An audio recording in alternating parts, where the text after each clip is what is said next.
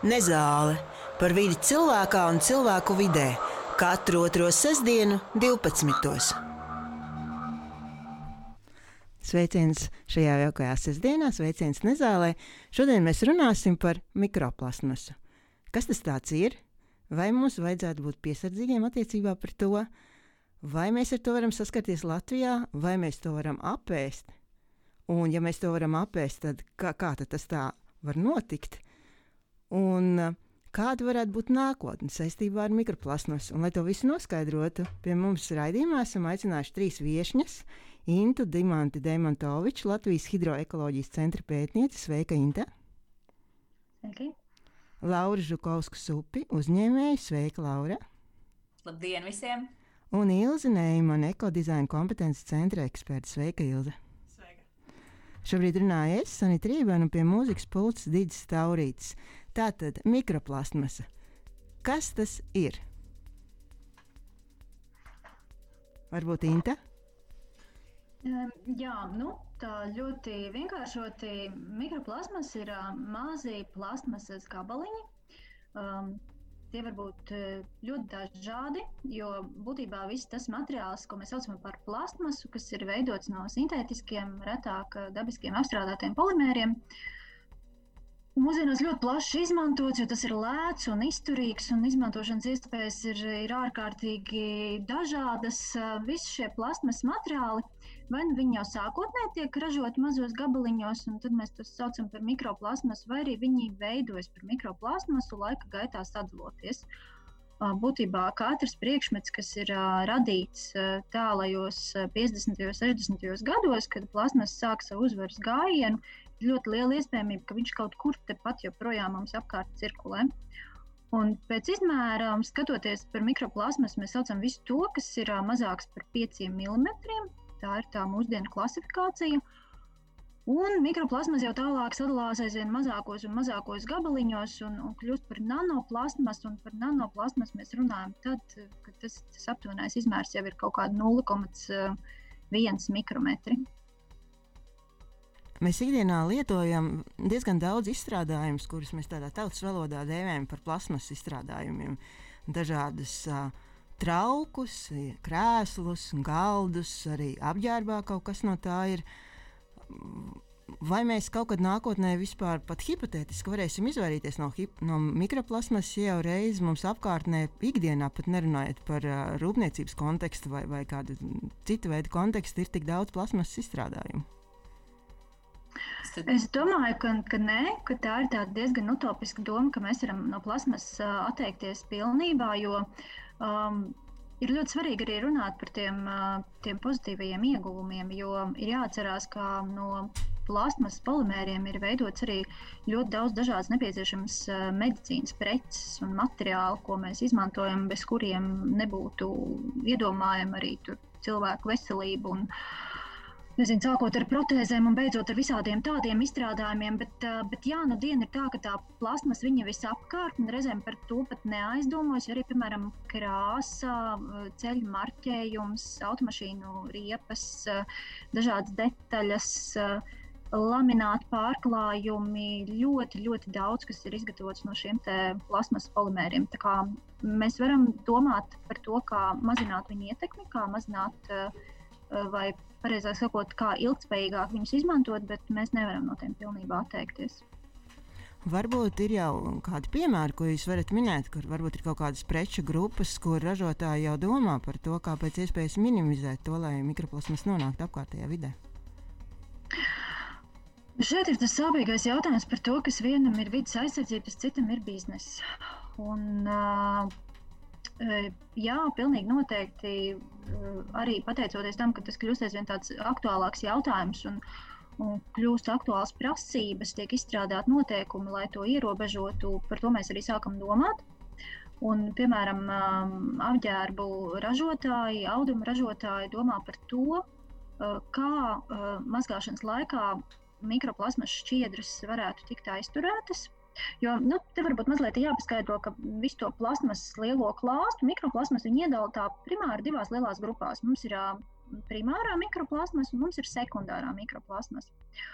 Un primārā mikroplasmas ir tā, kas jau sākotnēji tiek ražota ļoti mazos, nu, tādos mazās izmēra daļiņās, ko pievieno dažādiem kosmētikas līdzekļiem un, un dažādiem tīrāmiem līdzekļiem un citiem produktiem. Uh, kā arī primārā mikroplasmas viņa atdalās, uh, piemēram, no apģērbiem mazgāšanas laikā, visas šīs šķiedras uh, par to tiek uzskatīts, un arī, piemēram, automašīnu riepas dilstot, Uh, nevienam nav nekādu šaubu, šaubu par to, ka automašīna riepas dilst. Jautājums ir, vai kāds ir aizdomājies, kur tas viss paliek. Un ka patiesībā tas ir diezgan liels daudzums, jo mēs ar aci varam redzēt, cik ļoti riepas nodilst. Bet tas kaut kur viss pēc tam tālāk cirkulē, un tā arī ir mikroplasmas.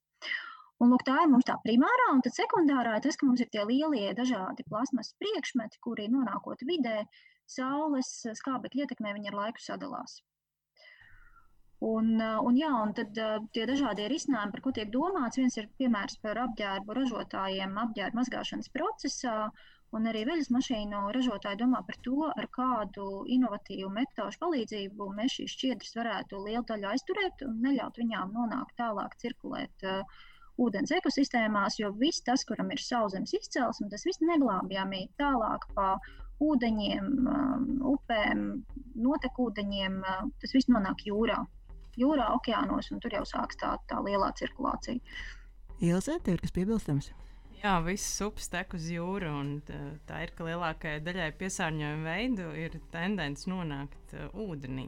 Bet, ja mēs runājam par plasmasas ieguvumiem, nu, man kā ekonomistam jārunā arī par plasmasas izmaksām un par to, kādu uh, ietekmi viņi rada uz uh, vidi, uh, ekosistēmām, uz mūsu pašu veselību. Uh, Un šie jautājumi nu, pat labam vēl līdz galam noteikti nav izpētīti.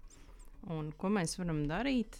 Mēs varam apdomāt tos veidus, kur šī plastmasa ir pievienota tieši.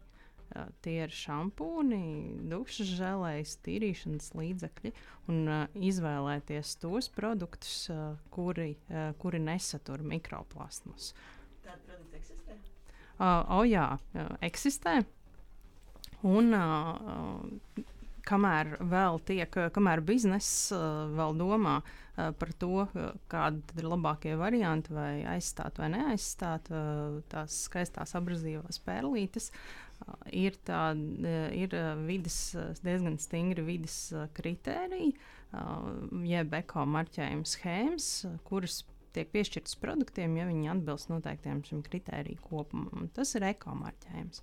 Un, eh, ja produkti ir marķēti ar ekomarķējumu, mēs varam būt droši, ka tur mikro, mikroplasmasa tieši nav pievienota. Vienīgā uh, viesne, kas mums vēl nav runājusi, ir Laura. Laura, varbūt tev šī brīdī arī ir kas piebilstams kā uzņēmējai. Jā, paldies par doto vārdu.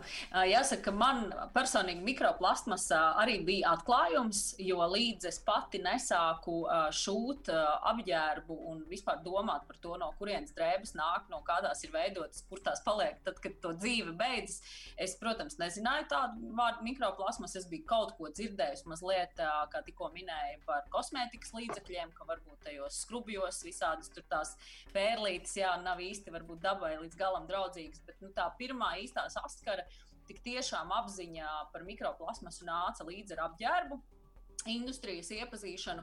Un, uh, un tas bija tāds, protams, nepatīkams uh, pārsteigums, ka tās uh, skaistās drēbes, ko mēs šujam Valmjerā, uh, mūsu gadījumā tie ir peltkostīmi, uh, ka tie var atstāt nu, būtisku negatīvu ietekmi pēc tam, kad cilvēks viņus mazgā mājās. Uh, Un mums bija pilnīgi skaidrs, ka kaut kas ir jādara, ka šo jautājumu nu, tā nevar tā vienkārši atstāt. Nu, vēl vairāk tāpēc, ka mēs esam sociālais uzņēmums un mēs primāri strādājam vidas jomā. Un, un skaidrs, ka mēs nevaram atteikties no šī apģērba veida, no sintētiskās šķiedras, jo uh, mums gribās, lai mēs ejot ziemā pārgājienos, mūsu drēbes būtu siltas, bet vieglas.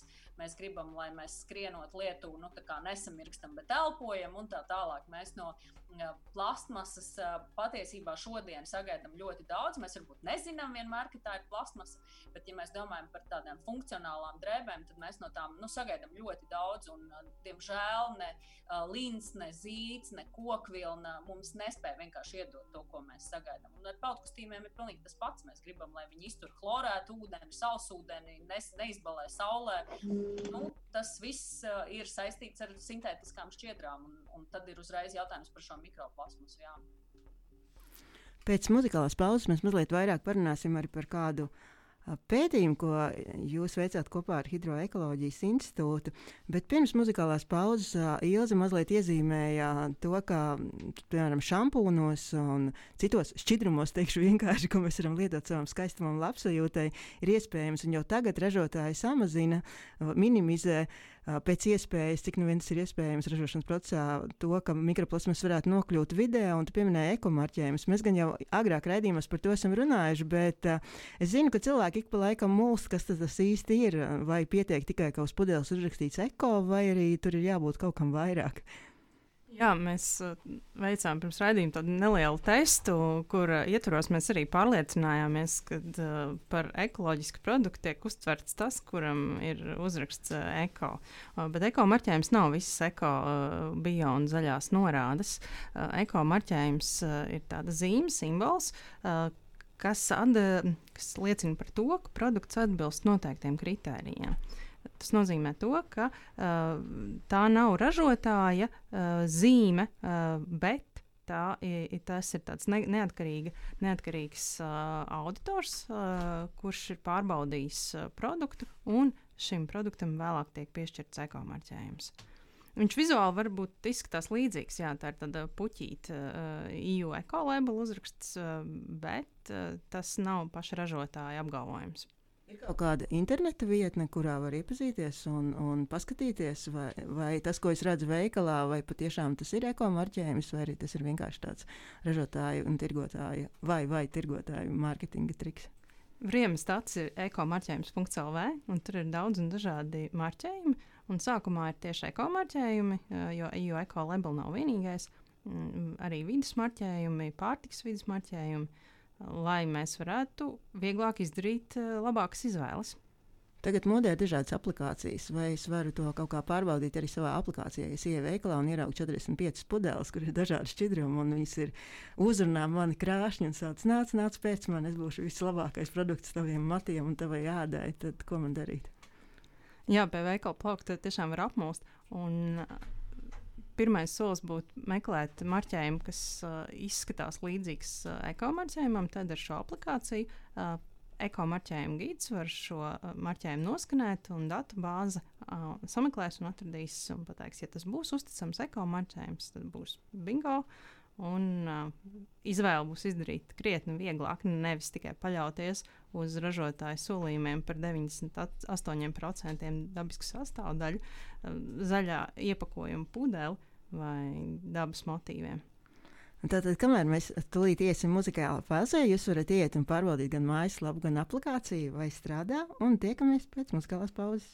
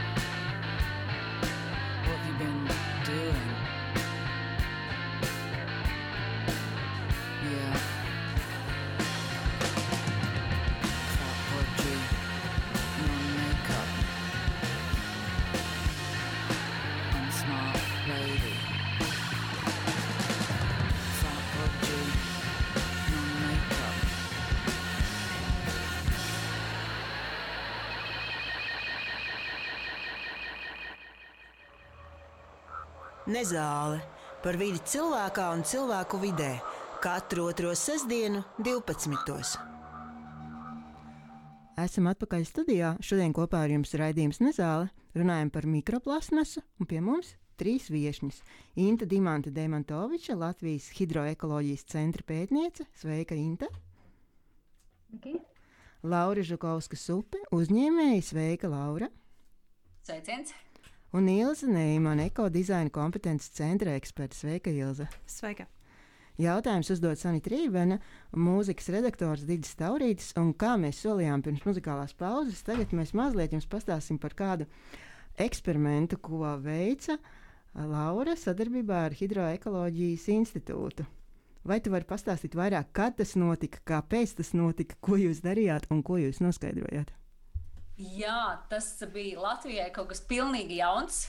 Šāds tests, apģērbu mazgāšanas tests, līdz šim nekad Latvijā nebija veikts.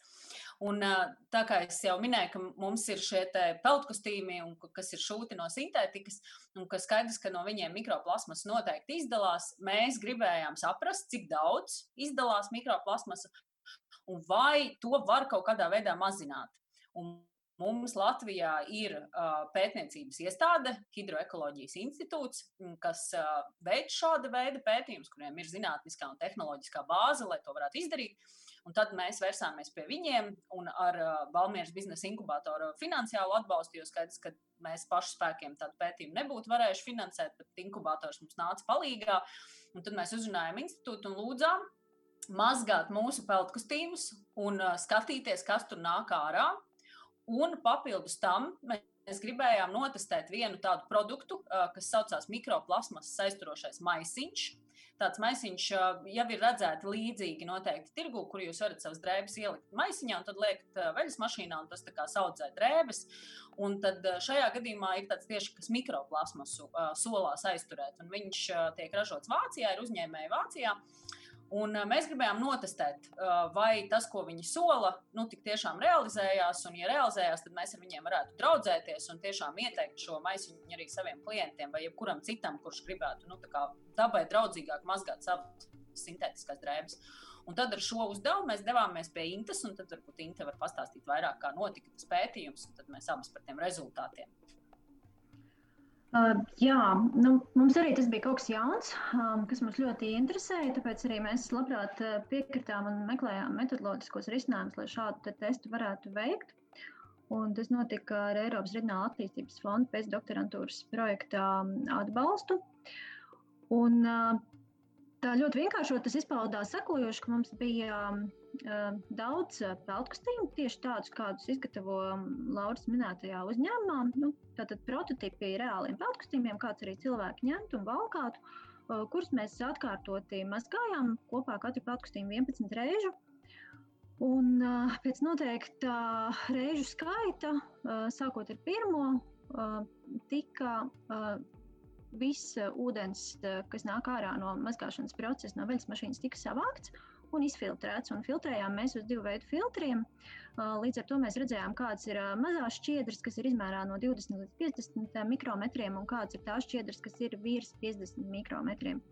Un, jāsaka, ka jā, patiešām pārsteidzoši daudz šķiedru izdalās no viena vienīga peltkostīma, kas sver um, robežās no aptuveni 200 līdz 300 gramiem. Uh, un tad beigās mēs arī veicām tos aprēķinus, kā tad varētu būt tā globālā situācija, kas notiek, ja, piemēram, katrs pasaules iedzīvotājs izmazgā vienu tādu peltkustīnu kaut vai tikai vienu reizi savā, savā mūžā. Un patiešām šīs šķiedras izdalās daudz, it sevišķi daudz viņas izdalās pirmajā mazgāšanas reizē. kas arī iezīmē to situāciju, ka tā pirmreizējā mazgāšana, nu, pirmkārt, ir ļoti būtiska to veikt, savācot šķiedras attiecībā uz vidi. Un, Par to arī vajadzētu aizdomāties, valkājot apģērbu, jo tad sanāk, ka visas šīs šķiedras jau nonāk arī uz, uz, uz cilvēka ķermeņa, ja apģērbs netiek izmazgāts pēc ražošanas. Ilze, vai tev arī ir kāds komentārs? Vai, vai, vai varbūt mēs pēc tam runājam par ekomarķējiem, kas attiecās uz dažādiem produktiem? Nu, es teikšu tā vienkārši kā lais, kas ir šķidri un ko es varu lietot, lai man būtu skaistāka mati vai seja vai tīrāka virtuve. Vai attiecībā uz apģērbu, uz tekstilu arī pastāv kaut kāda marķējuma sistēma, tāda, ko mēs varētu viegli pārbaudīt un kas būtu drošticama? Arī apģērbam ir uh, ekomarķējums.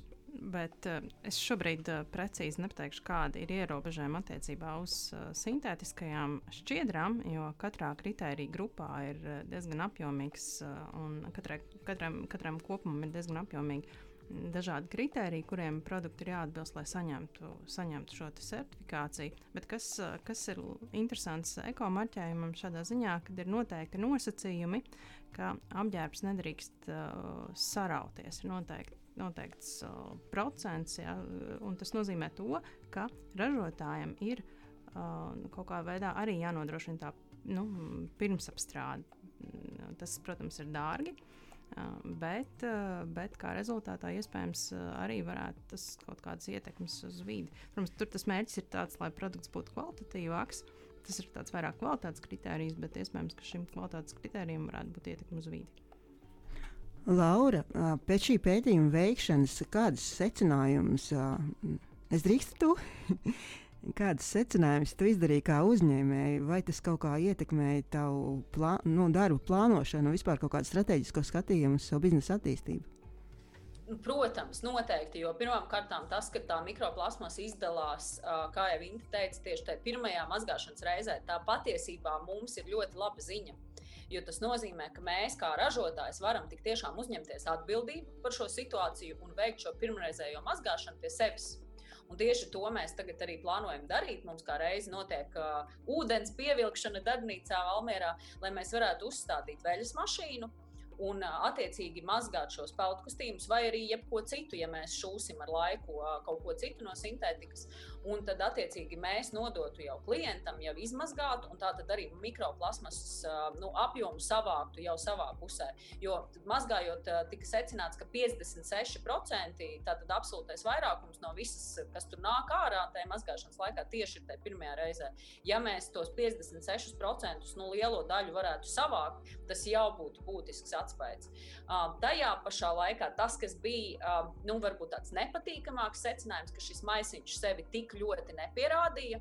Ja pats ražotājs apgalvo savos materiālos, ka tā efektivitāte tuvojas pat 90%, tur 80, 86, tad mēs uh, institūta laboratorijā secinājām, ka tas apjoms drīzāk ir tuvāks 40%, 40, 43%. Tātad puse no tā, ko apgalvo um, ražotājs. Bet te gan, protams, vienmēr ir nu, vēlams slēpjas detaļās, vai jūs kopā ar sintētiku mazgājat arī citas šķiedras, vai jūs lietojat mazgājumu līdzekli, vai nelietojat, vai jūs lietojat veļas pulveri, vai jūs nelietojat. Mēs šajā mazgāšanas pētījumā izmēģinājām scenāriju ar šķidro mazgāšanas līdzekli un bez mazgāšanas līdzekļa.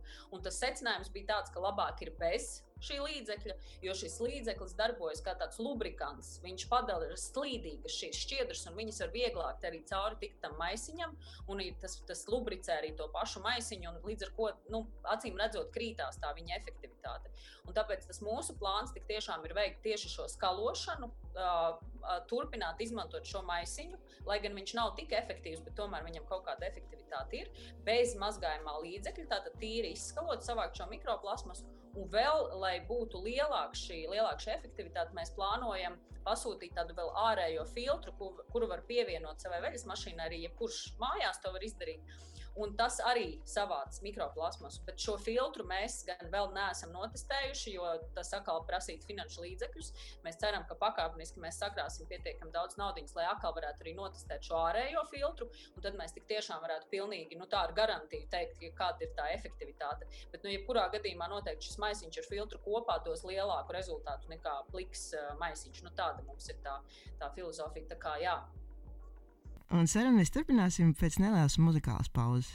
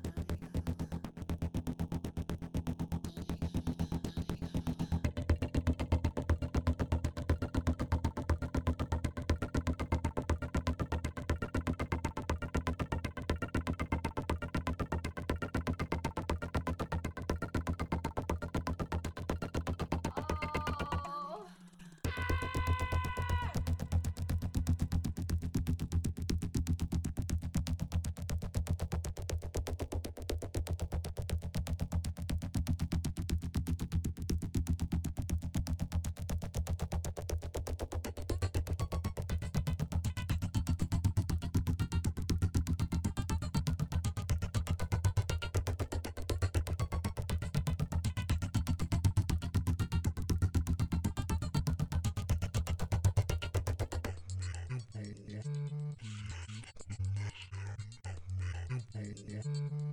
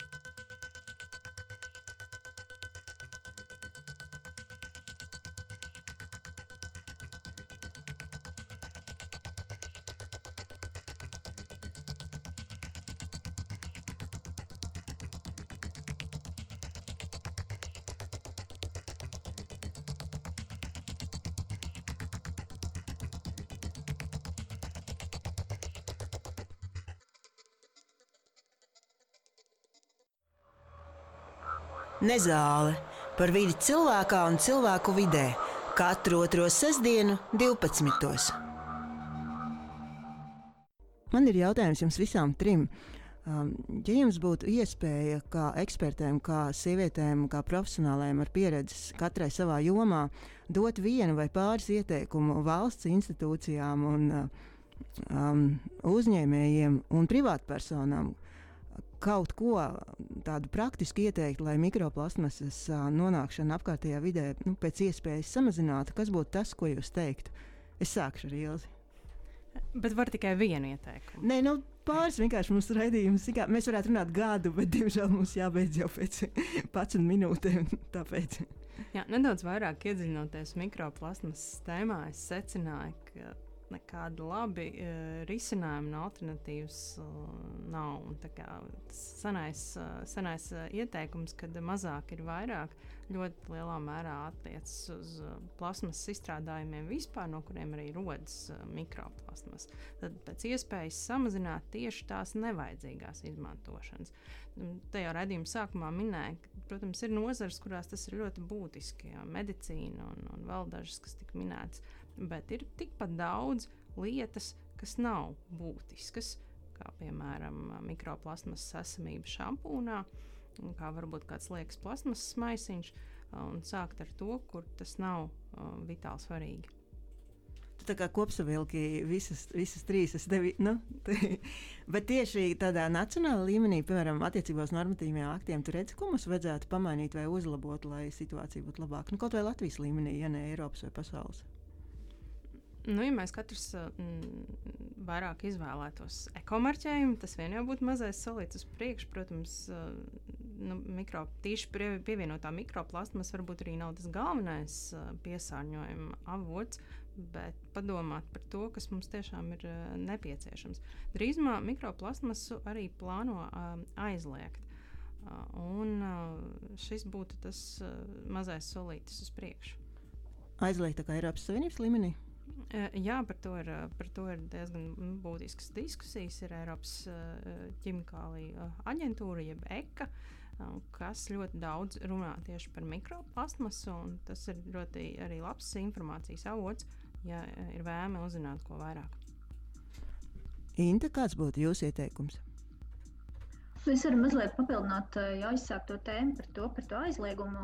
Tas ir domāts tieši mm, aizliegt mikroplasmas, kas tiek mērķiecīgi pievienot kādiem produktiem, kas pilnīgi noteikti jau ir solis pretī tam, lai šo piesārņojumu samazinātu.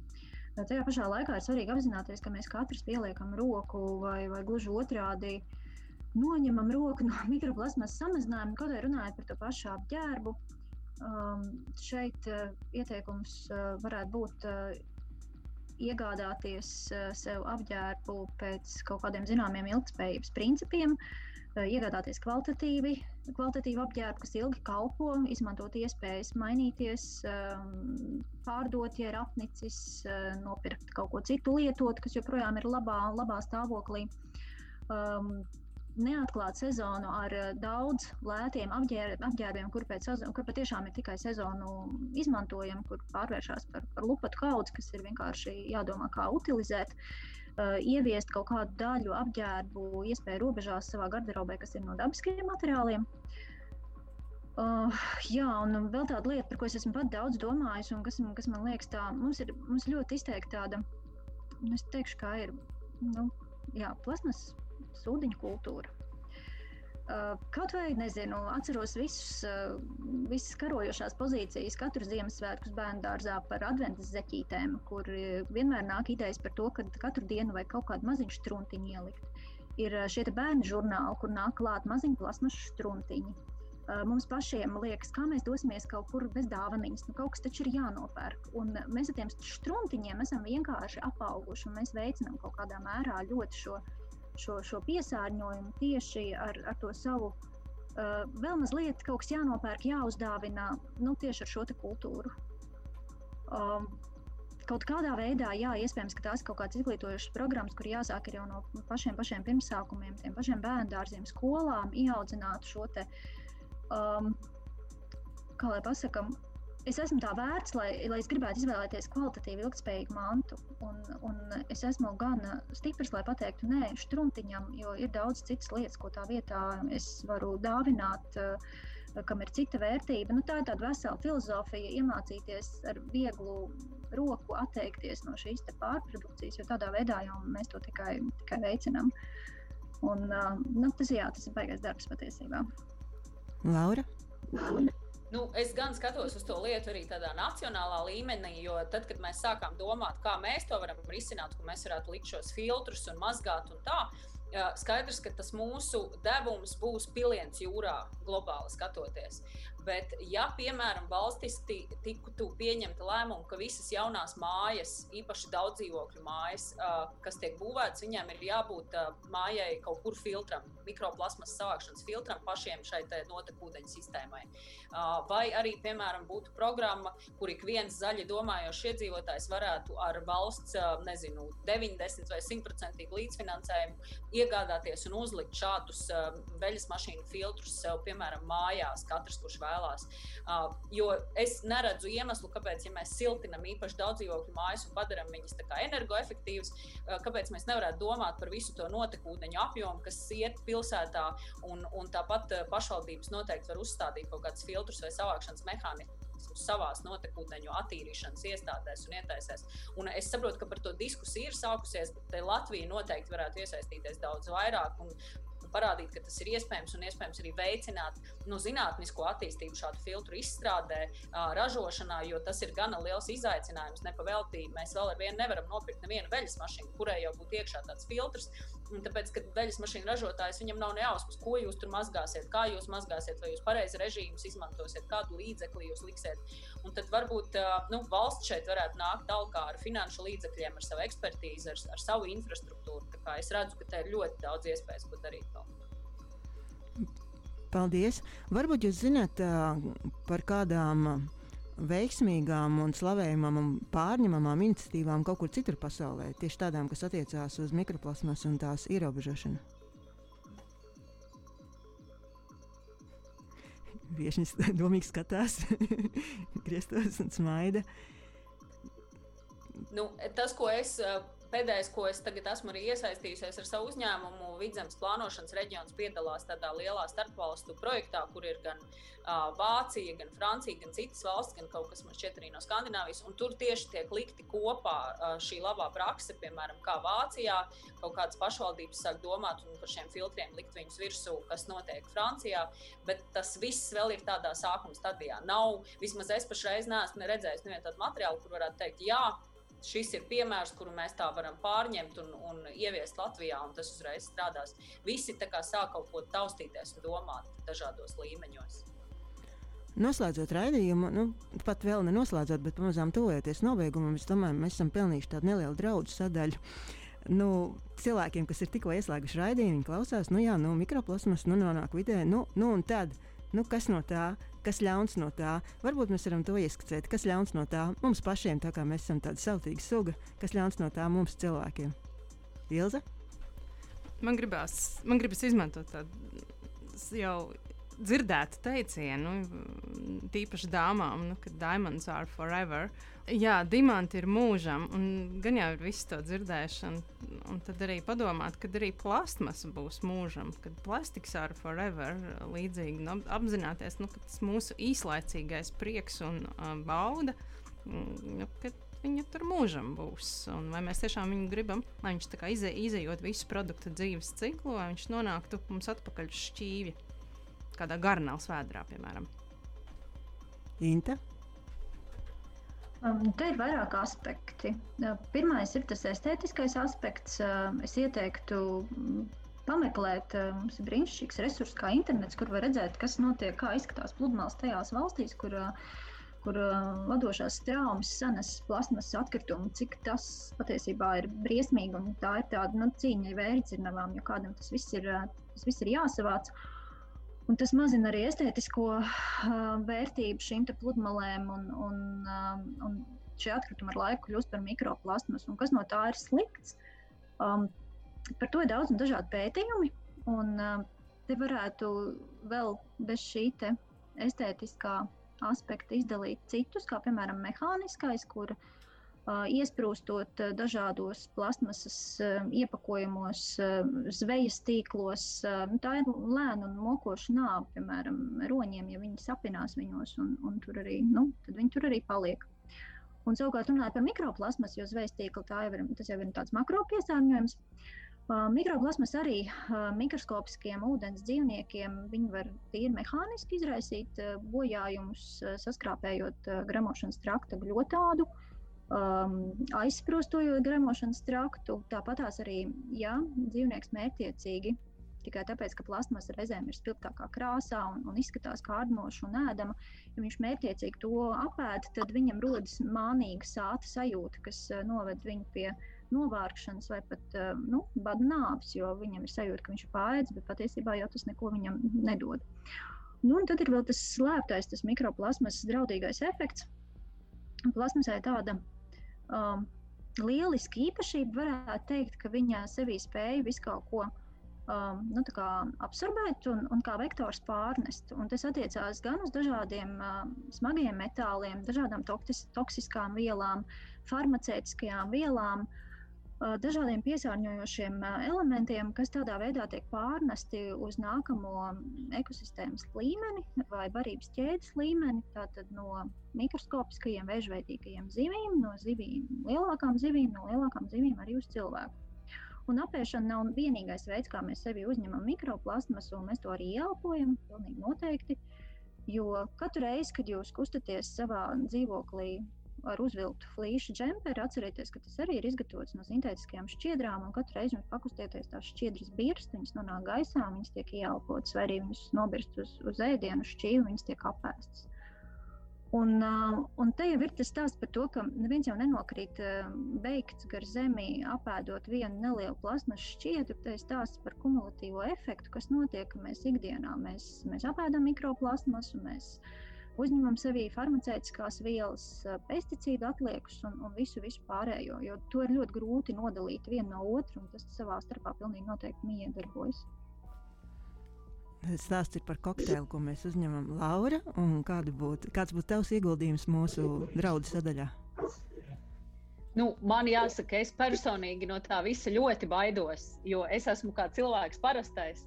Un eh, tad, kad es sapratu, ka eh, es apēdu eh, tās savas drēbes vai tā sava kaimiņa drēbes pēc tam pusdienās vai vakariņās, vai ka es sāku skatīties vairāk informācijas, un es uzzināju, ka nu, pašreiz daudzos pētniecības institūtos visā pasaulē tiek preparētas mīdijas un austeres, un neviena, vairs neviena austere netiek atrasta bez mikroplasmas, ja nu vienīgi viņa nav kaut kādā laboratorija laboratorijā audzēta, ja absolūti slēgtā ūdens sistēmā. Tas nozīmē, ka pat tā plasmasa, kas peld kaut kur simtiem tūkstošiem kilometru tālu, viņa var atnākt līdz mūsu pusdienu šķīvim, un tas ir ļoti biedējoši. Tas ir tiešām ļoti biedējoši, ja mēs saprotam, ka tā plasmasa ir mūžīga, kā Iels teica, tad nu, es, es, mani pat nevajag biedēt, es jau baidos. Es domāju, ka šis draudu nots mēs varētu arī pamazām nopaļoties. Varbūt ir um, vēl pavisam, pavisam pēc paša noslēguma, varbūt ir kaut kāds teikums vai pāris, ko jūs gribētu vēlreiz izcelt vai uzsvērt saistībā ar to, ko mēs šodien runājām. Kas būtu tas būtiskākais, ko jūs gribētu likt aiz auss visiem tiem, kas mums šobrīd klausās? Ilga. Brīžiem strādājot vidus jomā, liekas, ka tūlīt būs gals klāt, bet tik traki nav. Un revolūcija, protams, ir uztaisīt vienmēr grūti, un tas uh, prasa laiku un resursus, bet var sākt pamazām ar dažām mazām lietām. Mm, piemēram, izvēloties uh, preces un produktus ar uh, ekomarķējumu, Uh, vispirms es gribētu teikt, tā, uh, padomāt, uh, vai mums tas ir nepieciešams, jo viszaļākā prece ir nenopirktā. Um, tad, ja tas ir vajadzīgs, tad uh, izvēlēties ar, ar, ar, ar ekomarķējumu un padomāt par tādām dažām mazām lietām, kas uh, sniedz daudz lielāku. Uh, Prieku, nevis uh, nekā, nekā nu, mantas un, un, un mūsu nopirktais. Inta? Es domāju, ka ļoti labi jau pateici to kopsavilkumu. Nu, jā, es vēl gribēju piebilst, uh, uzturam to aktualitāti un, un stāstam par to jaunajai paudzei, jo viņi ļoti labprāt ņem šo informāciju pretī un, un ļoti viegli veido savus uh, dzīves pieredzes un ikdienas ieradumus, kas ir vidē daudz draudzīgāk nekā varbūt pieauguši cilvēki to spēj izdarīt. Laura? tādas ļoti praktiskas lietas, jo es strādāju apģērba jomā, līdz ar to, tad, kad jūs pērkat drēbes veikalā, noteikti paskatieties uz pirciņas. Ja jums ir iespēja pirkt apģērbu, kurā ir simtprocentīgi, piemēram, kokvilna, tikai tēkraklis no kokvilnas, un blakus ir tēkraklis, kurā ir elastāns vai poliesters, noteikti pērciet simtprocentīgu kokvilnu, tāpēc ka to varēs noteikti pēc tam kaut kur izmantot, arī pārstrādāt, un tur nebūs iekšā šī plasmasa. Ja jums ir jāpērk sintētiskas drēbes, atkal paskatieties, no kurienes tās nāk, kas ir tas ražotājs, vai viņš ir ar kaut kādu, kādu certifikāciju, caurspīdīgu ražošanu. Ja iespējams, atbalstiet vietējos ražotājus, kuri ir jums sasniedzami, kur atbild uz jūsu jautājumiem spēj parādīt, kur un kādā veidā tās drēbes tiek ražotas. Paldies! Atgādinu, ka šodien mēs runājām par mikroplasmasu, un pie mums studijā bija attālināti Inta Dimanta Demontoviča, Latvijas hidroekoloģijas centra pētniece, Laura Žakovska Supe, uzņēmēja un Ilza Neimana ekodizaina kompetences centra eksperte. Jautājums uzdeva Sanita Rībena, mūzikas redaktors Digis Taurītis, un mūs jūs varat noklausīties pēc tam arī ierakstā LSM mājaslapā, vai arī varat meklēt mūsu uh, piemēram, Spotify un citās platformās, kur ir pieejams mūsu podkāsts, un varat mums arī sekot. Mēs tikai priecāsimies par vēstulēm, par ziņām, gan Instagram, gan Twitterī, gan arī Facebook. Nākamajā sestdienā klausieties mūsu kolēģis raidījuma zootehniku un uz tikšanos pēc divām nedēļām. Nezāle par vidi cilvēkā un cilvēku vidē katru otro sestdienu, 12.